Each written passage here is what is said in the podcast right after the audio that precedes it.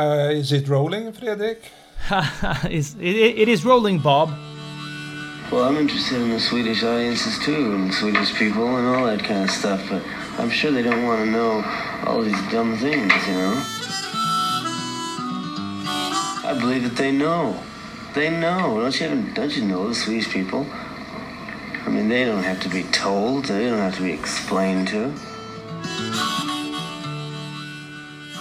Ja, välkomna till Vi snackar Dylan. Och jag är Magnus Ringborg, er värd här och idag ska vi träffa Fredrik Wikingsson, en, vad jag förstår, en notorisk eh, Dylanolog. Stämmer det eller?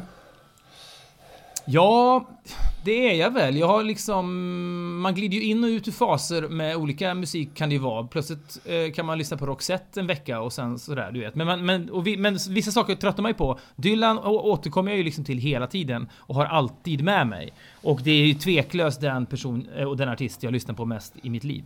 Hur, hur hamnar du där? Det här minns jag väldigt tydligt. Det var, tror jag, sommaren 1990. Då var jag 16, skulle fylla 16 år. Tror jag det var en sommaren, så visade Sveriges Television några musikdokumentärer. Eh, du vet, sex stycken. Det var väl liksom Hendrix at Monterey, vad fan kan det ha varit? Woodstock kanske. Och då visade de även Don't Look Back.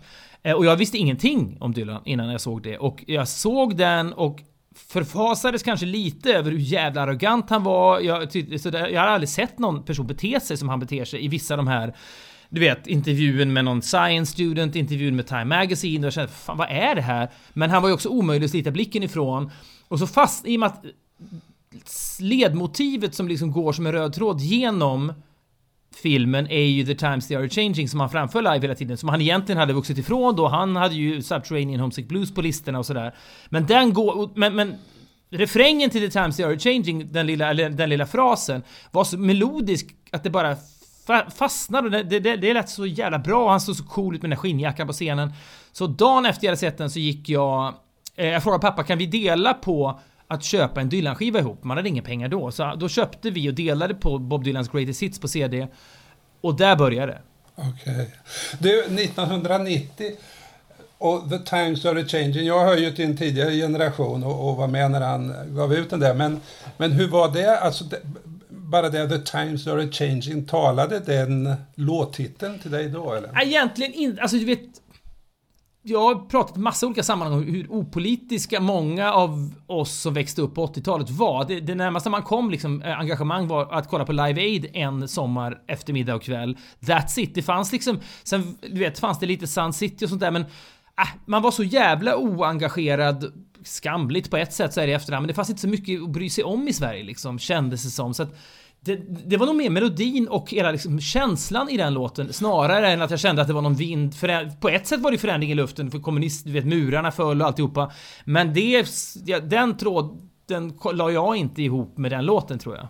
Nej men för det, om man lyssnar på texten, den är ju inte så himla politisk alltså, utan det är ju väldigt mycket generationsuppror också, att ni, ni, ni fattar ingenting. Eh, Nej men det hade jag ingenting om. Nej. Ingenting av det fanns i mig. Utan det var bara, ja men du vet det är så, men det det kan vi återkomma till sen också, för han pratar, det pratas ju ofta om honom som textförfattare och sådär och han själv, gång på gång, pratar ju om liksom hur låtar och texter ska liksom funka ihop och hur det ska skapa en känsla och inte en intellektuell tanke alltid. Utan för mig var det där bara någonting som slog an någonting. Hur han sjöng det där. Ja. Du vet, det var inte så att jag tänkte, fan, nu ska jag göra uppror mot morsan och farsan och du vet så här, nu för allting är i gungning. Det fanns liksom inget sånt, utan det var bara en känsla. Mm. Jo, men så tror jag det är för många. Så, så plötsligt stirrar man ner i någon textbok. Ah, var det det här det handlade om? Exakt. Så hur fortsatte det där sen då? För dig och Dylan? Eh, jag minns då tydligt. Du vet, det slår mig nu att det kan ha varit sommaren 91 kanske eller något sånt där. För jag tror att, att Under the Red Sky var den senaste skivan som var ute och någon kompis med hade den så jag lyssnade lite på den och ah, den pratade inte så mycket till mig. Sen minns jag att första Bootleg Series kom då, 91 tror jag. Eh, den köpte jag då. Jag minns fortfarande Måns Ivarssons fyra getingsrecension i Expressen som jag klippte ut och hade liksom i kartongen.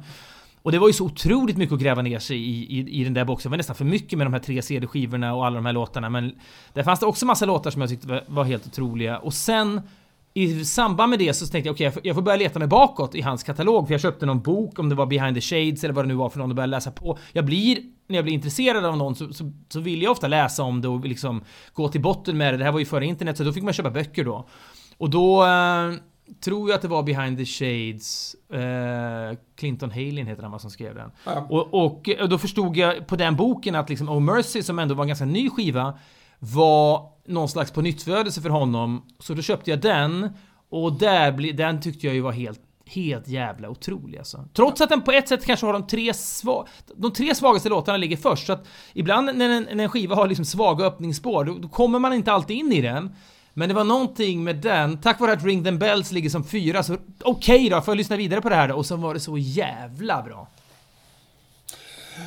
Du har ju skrivit, eh, jag läste en text av dig som handlar om en av Dylans pånyttfödelser, men då handlade det om 1985 va? Kommer du ihåg det? Eh, kan jag skriva... Va? Kan jag ha skrivit om? 85? Nej, var 75. det 75? 75 var det. Ja, Okej. Okay. Det måste det ha varit ja. ja. För 85 var det inte mycket... Alltså, 85, just att han inte hade någon på nytt födelse 85 kanske på ett sätt är grunden för låten vi ska prata om lite senare. Men 75 tycker jag nog ändå med Rolling Thunder Review efter den här stora The Band-turnén. Nu är vi ganska nördiga här, men jag antar att folk som lyssnar på det här också är liksom... Några de är det, några är, är det ja. inte, så du kan få förklara också. Nej, men att han hade då... Korta bakgrundshistorien till den på nyttfödelsen 75 var ju att han hade inte turnerat överhuvudtaget sedan 1966. Han bröt nacken i en motorcykelolycka eller något liknande. Han var, drog sig åtminstone undan. Gjorde sen en stor turné 74 med The Band som han hade turnerat med även 66 men som under de åtta åren hade skapat sig en egen karriär och var väl typ minst lika populär som han var egentligen då. De gjorde den här jättelika turnén 74 som, som sålde eh, massa biljetter och han tjänade massa pengar på det men han kände att det här är ju inte riktigt den kreativiteten och den, den live-artisten jag kanske vill vara så att året efter så bara skrotade han alla ambitioner att spela stora hallar och samla ihop ett gäng liksom egentligen 60-tals folkmusikikoner och åkte runt på någon liten skramlig turné som han kallade för The Rolling Thunder Review som sen blev ganska arena stor för de gick så mycket back på den i början. Det finns en fantastisk dokumentär om detta på ja. Netflix som heter The Rolling Thunder Review. Eh, men där är, den har jag väl skrivit om och där var, det är ju också en helt fantastisk period i hans liksom artisteri eller vad man ska säga. För att eh, så kommer vi ju till, eh, till den här Oh Mercy och det är väl också en på nytt födelse, kan man inte säga det? Jo, jag läste faktiskt om igår kväll, bara för att jag var lite så här, försökte påminna mig själv lite grann om, om den här perioden, så läste jag om hans memoarer. I hans memoarer som tyvärr bara har kommit i e, ett band. Man trodde att den heter Chronicles Volume 1 och kom ut typ 2003 eller något sånt där. Tänker man, kommer det komma någon sån här bok varannat år så blir det ju otroligt för det är en enormt bra, fantastiskt välskriven bok. Och för att vara han ganska också så här eh, konkret och inte speciellt abstrakt alla gånger. Och ett helt kapitel handlar då om inspelningarna av Oh Mercy. Och då är bakgrunden då att han känner sig under hela 80-talet, eller framförallt i mitten på 80-talet som en föredetting. Han turnerar med Tom Petty som är mycket, mycket, mycket liksom hetare, yngre, coolare och liksom populärare. De turnerar ihop eh, och Petty, Tom Petty The Heartbreakers är hans kompband. Men under konserterna så spelar även Tom Petty sina egna låtar och det är kanske folk det är kanske lika mycket därför folk har kommit, om inte mer, större anledning, att de har kommit till spelningarna att få se Tom Petty. Så han känner sig väl lite så här allmänt slut liksom. Han är med om någon märklig olycka så han skadar sin hand. Eh, och känner bara att nu, nu kan jag inte spela gitarr mer kanske och han är i en liksom någon slags all time low. Eh, popularitetsmässigt, kreativitetsmässigt. Han, alla som kommer att se honom när han spelar live vill ju bara höra låtar som är 20 år gamla och det tycker han väl är trist liksom. Medan Tom Petty spelar liksom aktuella hits eh, som de har gett ut. Och så har han då två, enligt den här boken som han har skrivit, så har han två stycken starka upplevelser 1987 då. Som förändrar allt för honom. Och man vet, jag vet inte hur mycket man ska tro på honom för han är ju mytoman och han gillar ju att förstärka små händelser. Men det ena är att han, han ska göra några spelningar med Grateful Dead. Han är och repa med dem, det går inget bra. Han bara går ut i regnet, röker en cigg, går in på någon bar, dricker en gin och tonic, där spelar något jazzband. Och plötsligt så märker han hur det här okända jazzbandet spelar och hur, hur sångaren sjunger på något liksom effortless, avspänt sätt och Dylan förstår, oh, nu förstår han precis vad som har gått snett i tio år. Är det där han kommer in på det där med, med matematiken? Han gör ju det ibland va? Ja, exakt. Han, Att- han, han, han- kan räkna på något nytt sätt om hur han ska sjunga. Precis som Ja. intervjun Ja. med Claes Buling 1966, då säger My songs are mathematical songs, säger han. Exakt, ja men han, det där är ju... han- Jag tror att han gillar både att avmytologisera sitt artisteri och att mytologisera det. För när han svamlar om den här matematiken i boken, då blir det ju nästan oläsligt. Det är, jag förstår ingenting om det. Men det är då en upplevelse som förändrar allt för honom. Det andra är, så åker han ut med Tom Petterum här igen. Han spelar i Lucharno, jag vet inte vad det, är för, vad det ligger i, i Schweiz kanske eller något sånt där. Och han får inte fram, rösten sviker honom plötsligt, han får inte fram ett ljud och han får panik och sen plötsligt tänker han jag måste testa någon ny teknik här för att sjunga och bara blåser på med det och så känner han bara att nu nu förändras allt. Nu, nu, eh, nu har jag hittat ett nytt sätt att sjunga. Nu är jag liksom på nytt född. Och då har ju då fansen förstås, när de läser det här, går ju tillbaka till alla bootleg-taper av hans livekonserter, har hittat den här, den här spelningen då i Schweiz 87 som han skriver om. Och det är då, när man går in på YouTube där den ligger, försöker man lyssna på det. Var, var någonstans i den här spelningen tappar han rösten och hittar den igen? Det är omöjligt att hitta. Nej, visst, jag, jag har också försökt alltså, men Ja. det låter fint, det gör det tycker jag. Ja, men det gör, alltså det är så att det, de där incidenterna är kul att läsa om, men jag, jag, jag vet inte hur mycket man ska liksom läsa in i det, för att det kan hända att han överdriver det där. Men i samband med det där, då börjar han skriva ett gäng nya låtar då. Eh, den första heter Political World. Det pågår ett Kan jag, kan jag amerikanskt... bromsa dig där lite? För, Ja. alltså, för jag tittade också i den där texten som är ju helt underbar.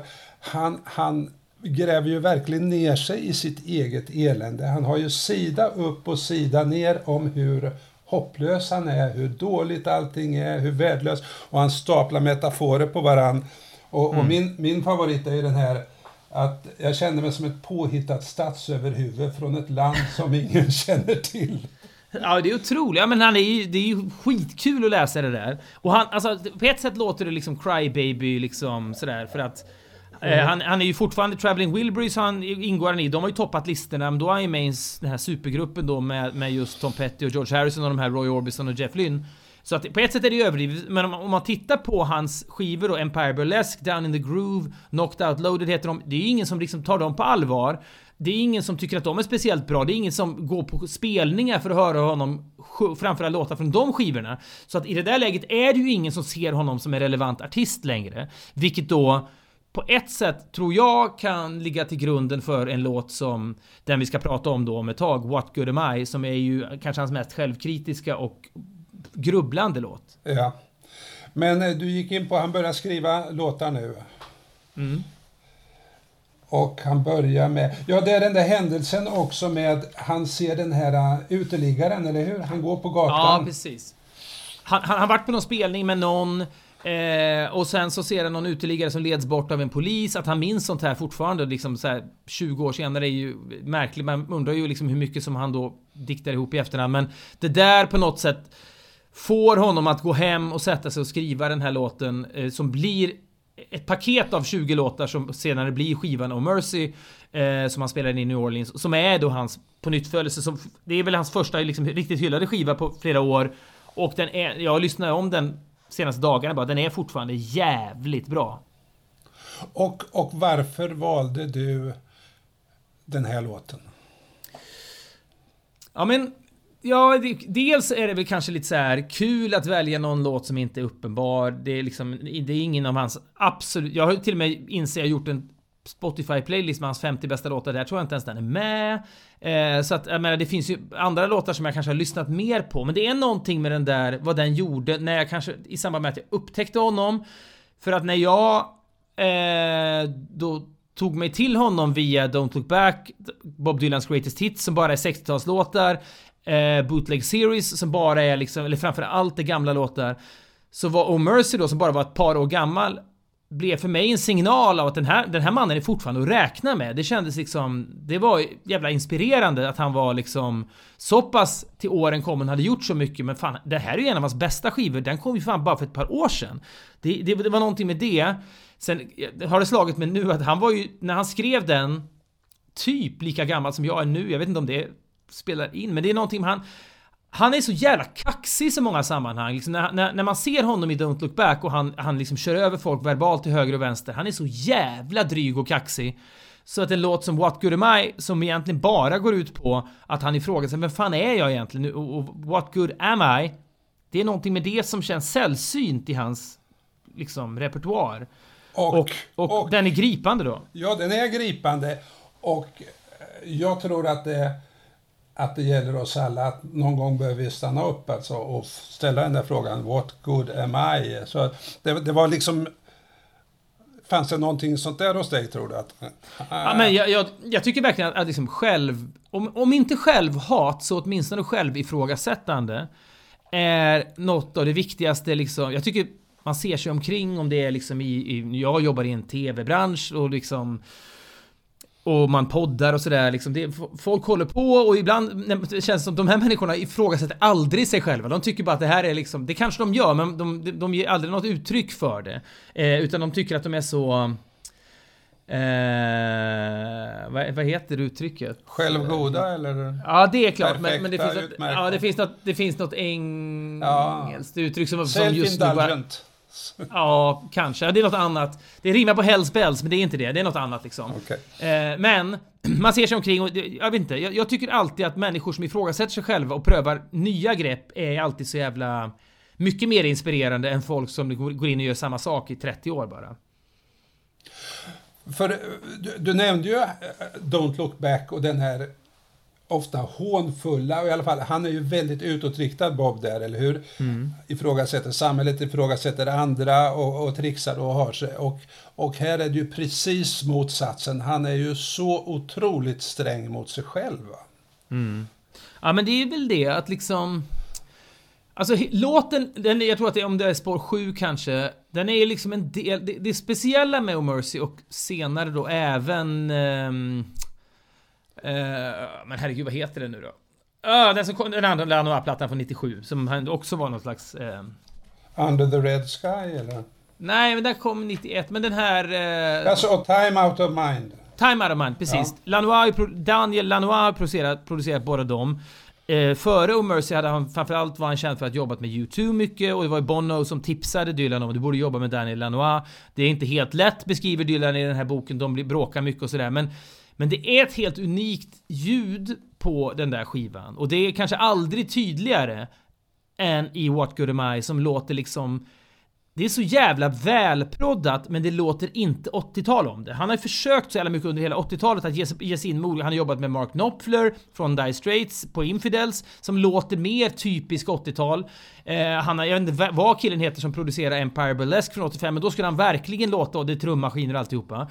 Det här är liksom en skiva som 89 lät modern, Oh Mercy. Men den låter inte omodern nu. Det är, det är något unikt med hur fan den låter och det är så jävla...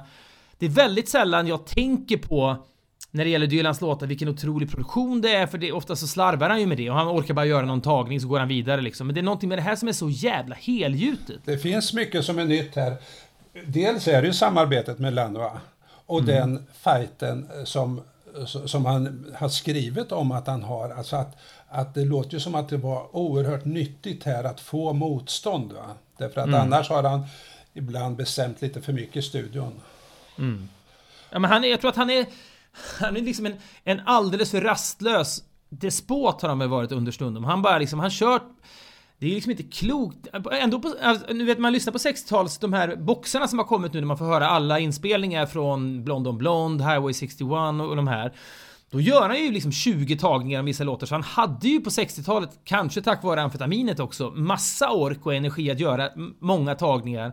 Men det är som att det, sen orkar han liksom inte bry sig i studion. Han bara liksom kör på, sen kör han någon tagning av någon låt och sen så bara, äh, fan det, där, jag, det här orkar jag inte längre. Och så sitter de här förtvivlade musikerna där, men det här kan ju bli hur bra som helst. Nej, han, han pallar inte. Han, han gör jättekonstiga val. En av hans absolut bästa låtar någonsin, Blind Willie McTell heter den. Den, den kunde legat på 80-talsskivan Infidels och hade ju varit, lätt varit den bästa låten Typ, Jokerman är bra också, på den skivan. Den väljer han bort till förmån för en massa dynga. Samma sak här. Han, har, han spelar in två låtar, minst.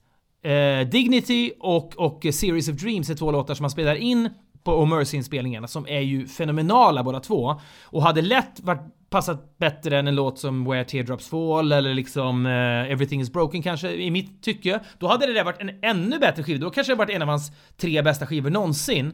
Men, men han är liksom, ja, jag vet inte fan alltså. Han måste vara omöjlig att jobba med. Du eh, kan stanna upp vid Lanois och produktionen och ljudet. För det jag tycker jag hör här är att det är lågt tempo och det är mycket pauser. Och för mig blir det att, att lämna utrymme för det här självreflekterande och dova, sorgsna. Håller du med om det? Eller? Ja, men alltså What Good Am I är kanske den tystaste låten, ta mig fan han har spelat in. Alltså outrot, sista 30-40 sekunderna, då är det liksom två ackord, eller vad fan, jag kan inte musik så, men det är bara, de bara spelas lite grann om lott. Och man tror att det är slut hela tiden. För det är, helt, det är nästan helt tyst. Och samma sak i låten. Det är liksom inte, egentligen inte så mycket melodi i den här, det är mer liksom bara en, en eh, sorgepredikan typ. Den är så jävla stillsam alltså. Ja, och, och pauserna mellan What good mm. am I? Mm. Alltså. Ja, det är... Eh, nej, jag vet inte fan alltså. Det är, det är ju svårt att prata om. Det, det är lättare att prata om så här, hans liksom eh, plats i livet och hans vet, position i samtiden så, än att prata just om, om, om den där låten. Nu är det det vi ska göra och gör. Men det är liksom... Eh, jag undrar om han, han kanske har framfört den live några gånger, men fan inte mycket tror jag heller. Det är liksom... Eller har du koll på det? Nej, jag har, jag har inte tittat på det. Vi kan backa ner till det sen kanske. Men, mm. Men har du texten framför dig? Nej, jag tror jag kan den utan till typ. Okej. Okay. Eh, mm. Kan du börja, får vi se hur långt vi kommer. Läsa upp någonting.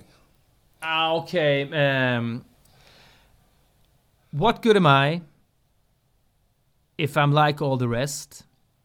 If I just turn away when I see how you're dressed. Vilket också är otroligt mörkt alltså, men också bra. If, uh, nej, jag kommer inte ihåg mer. If alltså, I shut är, myself off so I can't, so hear, I can't you. hear you cry. What good am I? Så är det ja. ja. Om du börjar på verserna kommer jag fylla i. Ja, ja, ja. Nästa då. What good am I if I know and I don't do? If I know and don't do, if, if I see and don't say, if I look right through you, if I just turn my back, nej? Nej, turn nej. deaf ear to If the... I turn a deaf ear to the thunder in the sky, what good am I? What good am I then to others and me? If I had every chance and yet still fail to see, if my, if my hands are tied, must I not wonder within who tied them and why, and where must I have been? What good am I? Och vad är det sen? If I say foolish things. If I say foolish things and I laugh in the face of what sorrow brings. If... Uh, vad är sen? I just turn my back. If I just turn my back while you silently die, what good am I? Ja. Är det allt eller är det en vers till? Nej, det var en vers i mitten där. What, okay. good, what good am I while you softly weep? Weep, just det. And I hear in my head what you say in your sleep, vilket också är helt otroligt. Eh, vad är det sen nu? And I freeze in the moment. I, and I freeze in the moment, like the rest who don't try. What good am I? Ja, ja vad säger ah, helvete. du? Va? Ja, men det är, ja, men det är så jävla... Det är liksom... Det känns som att det både handlar om... Framförallt känns det som att det kan handla om han och hans liksom, relationen han är i med någon, kanske hans fru då.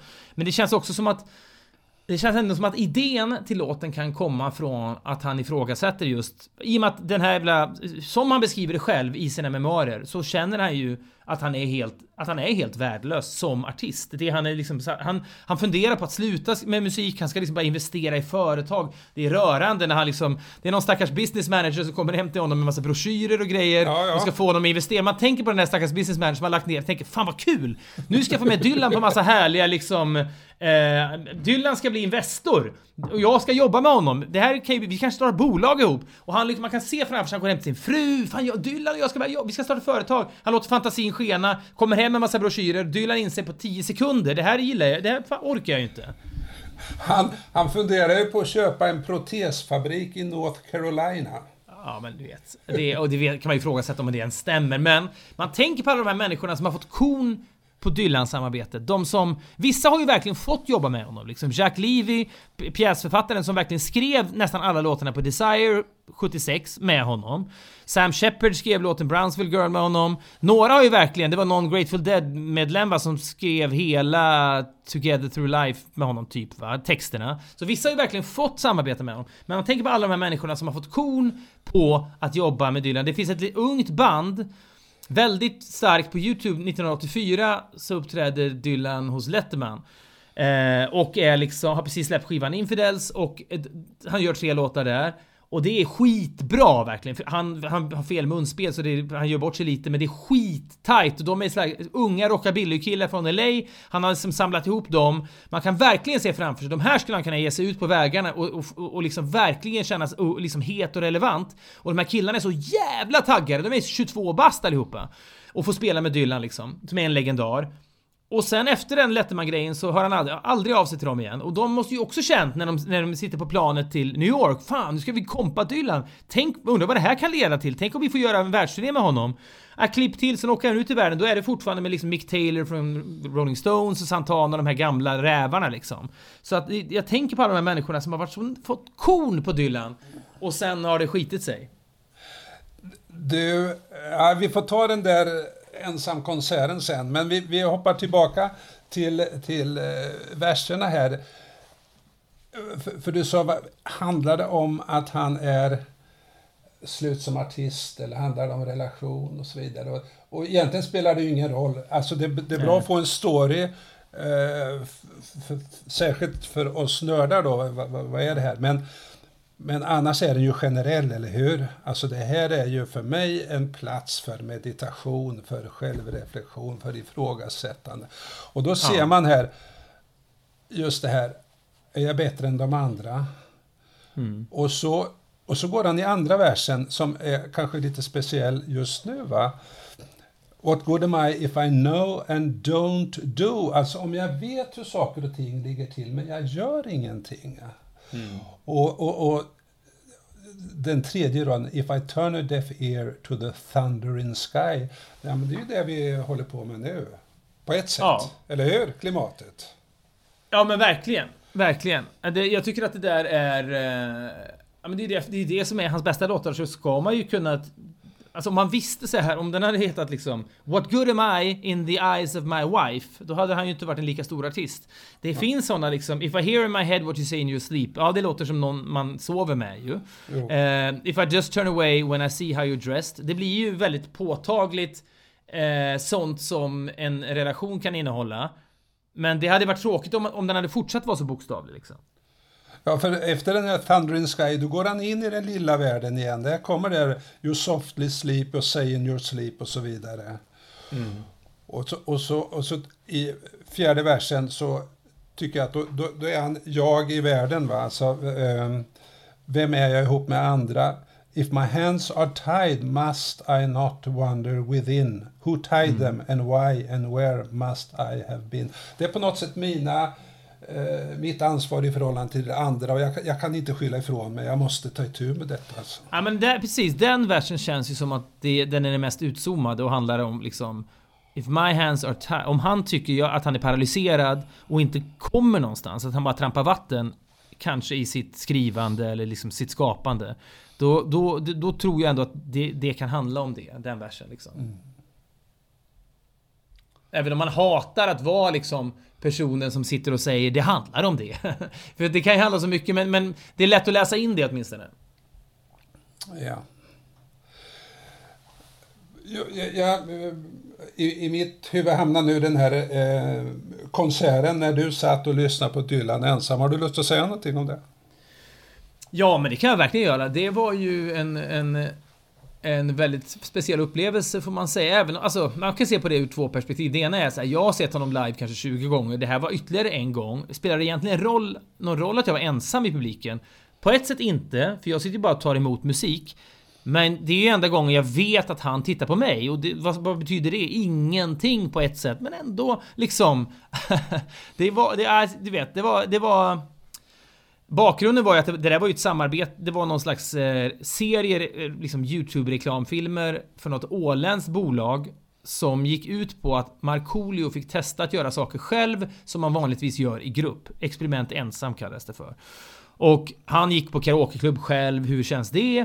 Eh, han, eh, du vet, gick på stand-up själv, hur känns det? Och jag känner då killen Anders Helgesson som regisserar de här filmerna berättade för mig på någon fest att fan Vet du vem Markoolio ska... Har du sett Experiment ensam-filmerna? Ja, det har jag väl gjort kanske någon. Ja, jag vet vem, vad han ska göra nästa gång? Eh, då sa jag nej. Och då sa han han ska få vara på ensamkonsert med Dylan. Och då sa jag bara stopp och belägg nu. Vem måste, vem måste jag suga av för att det ska bli jag? Och sen sa jag till honom, alltså, jag, jag respekterar väl Markoolio, men han, han, jag vet, han är väl inget Dylan-fan. Om jag får göra det här istället, då kan jag liksom garantera att jag kan skriva en stor artikel om det här i DN. Jag kommer att få minst två Nyhetsmorgon framträdanden där jag kommer att göra bra ifrån mig. Och, och okej, okay, jaha, sa han då. Men då får du träffa PR-byrån, reklambyrån och alltihopa. Ja, absolut. Så jag träffade allihopa, sålde in mig själv för det här för att peta Markoolio. Jag sa också att jag vill inte ha något arvode, det sparar ni. Jag betalar min egen flygbiljett, jag betalar mitt eget hotell. Ingenting, jag kostar ingenting, men jag vill göra det här. Och det gjorde att jag då hamnade i den jävla stolen sen. Och det var ju, ja men det var fantastiskt. Folk ska alltid fråga så här, fick du käka middag med honom sen? Eller fick du ta en selfie? Och så här, det är klart, det, ja för mig är det så här, det är klart jag inte fick. Han gjorde ju det för att han fick en bra slant. Han skulle ändå gigga i samma lokal senare samma kväll, så det var hans bäst betalda soundcheck i livet. eh, men det sket väl liksom jag i. Eh, för mig var det liksom, jag fick sitta där, jag fick sitta och applådera honom. Och det var, det var väldigt, väldigt gripande och speciellt och jag har fortfarande inte sett det där på YouTube. Jag kommer nog aldrig se det. Jag har svårt att tro det för att för mig lever det där i mitt eget huvud. Jag vill liksom inte se den klippta versionen som de har suttit med och liksom knådat för att göra ihop en liksom eh, en film av det. Men det var, det var väldigt, väldigt speciellt. Det, enda, liksom, enda smolken var ju att eh, jag i dagen innan var jag i New York och gick in i någon skiva, äh, skivaffär och tänkte jag skulle köpa med mig skivor. Tänk om jag kunde få honom att signera ett par skivor. Jag tänkte jag skulle köpa två skivor. Jag ska signera en till mig och en till min eh, gode vän Sigge Eklund som jag skulle kunna glädja med det här då.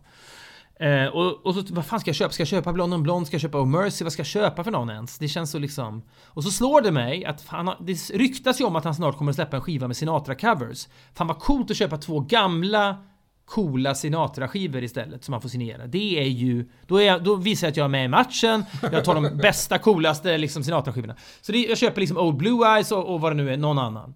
Eh, och sen dyker jag upp och, och, sen så får jag träffa Dylans manager Jeff Rosen före alltihopa och så säger jag så här, Do you think he could sign some albums? Of course, no problem. Och så tar jag fram skivorna. Och tittar han på dem. Det här är ju Sinatra-skivor. Ja, säger jag. Är det något problem? Ja men... For Dylan, that would be like pissing on Sinatras grave. He will never do that. Och jag, och jag känner hur liksom... Hur jag, du vet när man, när man har tänkt för många varv, när man, ja. när man är liksom för smart. Hade jag dykt upp där med New Morning eller Blond on Blond, då hade jag ju bara signerat dem. Då hade jag kunnat ge mitt livs bästa present till Sigge. Jag hade kunnat rama in en, liksom en äkta Dylan-signerad tavla på väggen. Nu fick jag, du vet, det var, det, jag började nästan garva för det var så jävla dumt. Men det, så blev det. Och Dylan, på den där konserten, han spelar ju inga Dylan-låtar, eller hur? Nej, han gjorde fyra covers, vilket då jag eh, tycker ju att det var ju otroligt. Jag fick ju höra något som ingen annan typ får höra. Någon Buddy Holly-låt. Vissa av de där låtarna visste jag inte ens vad det var för något. Men det var ju liksom... Äh, och så spelade han ett munspelssolo som för mig var jävligt liksom... Eh, ja men det hade han inte heller behövt göra, men då hade han ansträngt sig. Men han ville göra det där bra också. Han visste ju att det där skulle hamna på nätet. Han ville ju att det där skulle bli så bra. Alltså han ville ju inte göra att det där skulle bli pajigt liksom. Så att jag tyckte, äh, det var en magisk stund verkligen. Mm. Jag skulle gärna ha suttit där då. ja, det är många som har sagt det till mig. Alltså jag, jag, jag har ju varit på en Dylan-konsert efter det där och då folk vet ju... Alltså, är man nörd så har man ju hört talas om det där och sett det där. Så att jag... Jag har ju fått en liksom en, en liten... För vissa Dylan-nördar eh, har jag ju fått en, en väldigt avundsvärd position som har fått ha varit med om det där. Ska vi återvända till låten och knyta ihop den här säcken? Eh, mm. Eh, alltså, jag, jag, kan ju fråga så här. Du lyssnar på Dylan. Lyssnar du på covers också? Av hans låtar? Ja. Ja, jag vet att Tom Jones har gjort en cover av den där. Jag har inte lyssnat på den faktiskt. Jag vet inte varför jag inte ens har orkat göra det. Jag, nej, jag lyssnar fan inte så... Alltså, jag är inte den där som tycker liksom... Jag är inte snobbig av... Jag tycker liksom att... Birds, liksom hela hans, deras liksom så här Dylan coverskiva på 60-talet är otrolig. My Back Pages, liksom It's All Over Now Baby Blue. Så jag kan, jag kan verkligen ta mig till såna, men det är inte så, alltså jag, ty, jag tycker ju verkligen att Dylan är världens bästa sångare. Och jag, sådär människor som säger ja men han ska inte göra sina egna låtar, det borde andra få göra. Det, det behöver man inte ens lyssna på, det är bara så idiotiskt så det säger ingenting. Men, men eh, jag, jag vet inte fan alltså. Har du någon favoritcover eller? Nej, men eh, jag tänkte ju på när han fick Polarpriset, då sjunger Louise Hofsten den här. Och, och, Aha, jo, men har du sett den videon? Därför att det Nej. är på, på, något sätt är det en parallell till, till din ensamkonsert därför att hon står där mm. och är rimligen skitnervös. Mm. Och hon sjunger What good am I? Åh oh, fan, det måste jag... Oh, jag får gåshud nu bara. Den ska jag se direkt efteråt. What good am I? If I'm like all the rest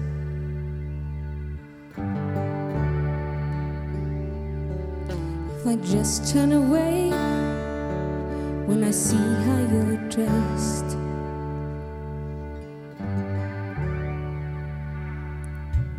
If I shut myself off so I can't hear you cry.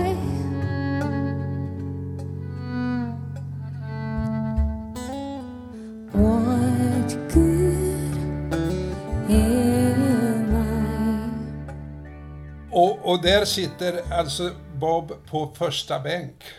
Mm. Och, och gör, han en, gör han en enda min ens? Det gör han väl inte? Ja, han gör det och han vrider på nacken och han... Men du kan tänka dig om du stod där och var sångaren va? Och så sitter mm. han på första bänk.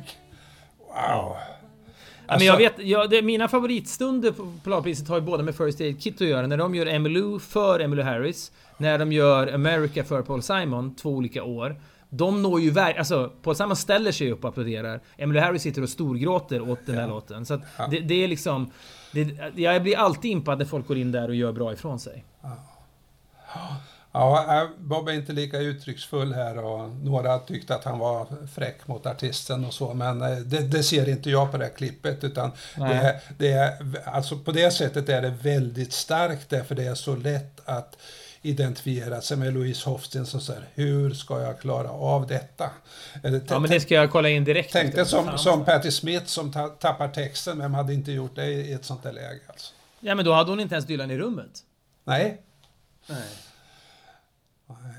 Men Hard Rain's Gonna Fall är också... Yeah, det, det är nog den låten jag spelar oftast på gitarr när jag, spe, jag spelar lite gitarr hemma och, och liksom eh, barnen trycker in mig i det här rummet jag är i nu, det, som är längst ifrån deras liksom, boning, för de står inte ut med det.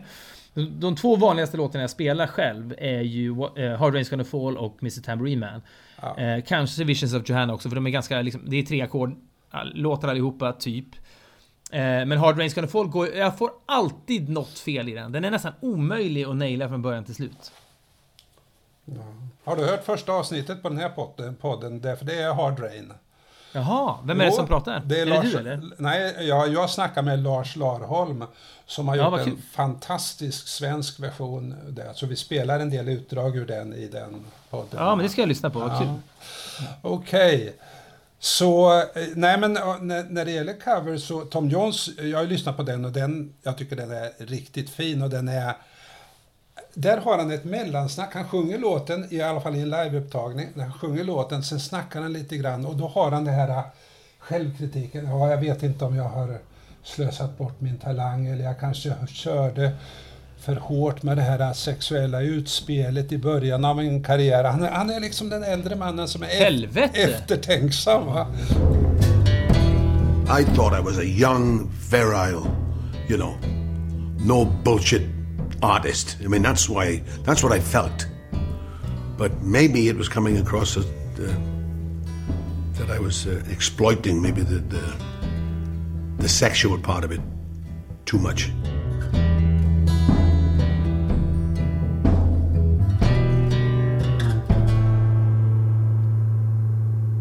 What good am I if I say foolish things. And I laugh in the face of what sorrow brings. Men för jag, jag är väldigt gripen av... Jag läste Tom Jones memoarer. Jag minns, vi var ute och reste, gjorde res-tv och då mycket flygresor och då läste jag på en flight mellan London och Singapore som var 10 timmar. Alla andra sov, jag kan inte sova på plan så bra. Så jag läste hela hans memoarer då. Eh, och de är skithärliga att läsa. Och det är någon väldigt rörande sekvens. Han kommer ju fram då som liksom... Men han är ju cheesy om man jämför med liksom Beatles och Stones och de här och Dylan framförallt. Men han, så att, men han hade ju en stor publik ändå. Eh, och då är det någon gång när han ska uppträda samtidigt som Beatles. Och han har en hit med It's Not Unusual. Ja, ja, det var hans första stora hit. Ja, ja och det kan vara 64-65 ja. kanske. Och då så soundcheckar Beatles och Tom Jones sitter på första bänk för han, tycker, han älskar Beatles och tycker det ska vara kul att se dem. Och då gör John Lennon om... Han börjar sjunga It's Not Unusual.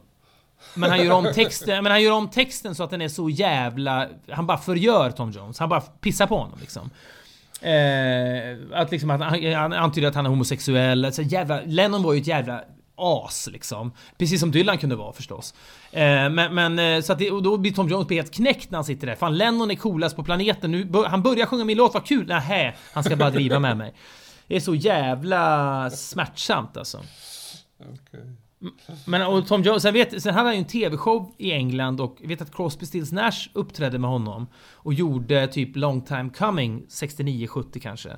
Och de gjorde väl det, när de uppträdde med honom och Tom Jones är med och sjunger. Det är ju alla udda samarbeten, men man ser liksom på David Crosby att det här är lite ironi för honom. Det är liksom lite, det här är lite kitschigt. Här står vi som är så jävla härliga och San Francisco och Los Angeles mysiga med den här pajige walesaren som bara är ett par liksom pungkulor och en kuk mellan benen. Och vi, att vi uppträder med honom, ha, alltså vet, det är någonting med det som är också jävla smärtsamt. Men ja, älskar Tom Jones nu. Nu måste jag lyssna på den här live-versionen. Ja, ja. Okej, okay, det här var fantastiskt Fredrik. Vad, vad, vad har vi mer att säga om What good am I? Eh, How good are you? Nej, jag tänker, men det där tänker man ju eh, och bör tänka. Man får ju inte liksom gå ner sig i, i självtvivel och liksom... Jag förstår, alltså om, om man har stiftat bekantskap, lyssna på det här och har stiftat bekantskap med mig och Filip i TV någon gång eller du vet man fladdrar förbi rutan. Då framstår man som gapig och liksom självsäker. Men det är klart att man ifrågasätter sig själv jättemycket. Eh, men det som, den här låten, jag vet fan. Det kanske är liksom... Den kanske talar till mig extra mycket nu för att jag är lika gammal nu som... Det känns helt sjukt ju. Att ja, jag är lika ja. gammal nu som han var då. Men... Men den är, det är ganska bra, på ett sätt är det en bra introduktion till Dylan, hela och Mercy-skivan för att den är så pass liksom välproddad och ja, låter liksom Alltså, jag vet, jag försöker alltid, jag vill, jag, framförallt jag var väl bättre på det förr, att jag försökte liksom missionera Dylan för andra, vilket jag har suttit på fester och tjatat och spelat låtar och folk måste ju avskytt mig. Jag har gett upp det för man, folk orkar ju inte höra sånt där. Och jag är inte säker på att, för folk, det är väl, i och med att folk vet om att jag gillar Dylan många, så hör de av sig, vad är det, vilken är den första skivan man bör lyssna på? Och det är väldigt svårt. Och på ett sätt kanske Freewheeling är bättre då för att han är så ung och han är liksom så energisk och Blown in the Wind ligger där och Hard Rain och sådär. Och det, med lite vackra kärleksballader. På ett sätt är väl det bättre men... Nej, jag vet inte. What Good Am I kanske är för mörk för folk att liksom börja med. Okej, okay, då skulle jag säga Fredrik att uh, you have been enough good. Va? Ja, vad bra. Väldigt Detsamma. roligt. Väldigt ja. roligt att göra den här intervjun. Tack ska du ha. Ja, vad mys. Du, jättetack för att jag fick eh, vara med. Och, eh, och eh, vad ska du prata om i nästa avsnitt? Nästa avsnitt blir Motorcycle Nightmare. Jaha. Fan vad intressant. Och, den är på, vänta nu, den, den ligger är, på Another Side of Bob Ja, och den är ju ja. rätt så undanskymd och den ska göra med Björn Walde, kommer du ihåg honom? Ja, vad lustigt. Nattsud, ja, lustigt. Ja, ja, jag minns honom mycket, mycket väl. Ja, han har valt den alltså? Ja. Fan vad intressant. Another Side är ju... Ja, den är ju riktigt intressant i den här skivan. Han spelade in hela skivan i typ ett svep på en dag, drack tre flaskor vin. Ja. Där snackar vi om att liksom bara rusa igenom en inspelning. På ja. fan gott och ont. Jag, jag, jag har alltid tyckt att Chimes of Freedom som ligger där. Han hade ju Mr Tambourine Man klar, valde att pausa den, vilket var hans bästa beslut någonsin tror jag. För att den ligger så jävla bra på skivan efter och han gör den så bra där. Men jag undrar om man inte borde pausa Chimes of Freedom också, för jag tycker den är Jag vet inte. Jag, hör, jag tror att jag hörde Springsteens cover av den först, som han gjorde på någon turné 88. Eh, som är helt otroligt bra. Så att när jag sen hörde Dylans version så var den fan en besvikelse. Jag har liksom aldrig sen dess riktigt kunnat liksom uh, uppskatta den. Och hela den där skivan är svår för den är så jävla slarvig liksom. Ja. ja. Ja men vad fan, hälsa Björn Walder. Vi har aldrig träffats men han är ju underbar. Tack ska du ha Fredrik. Ja, tack så mycket.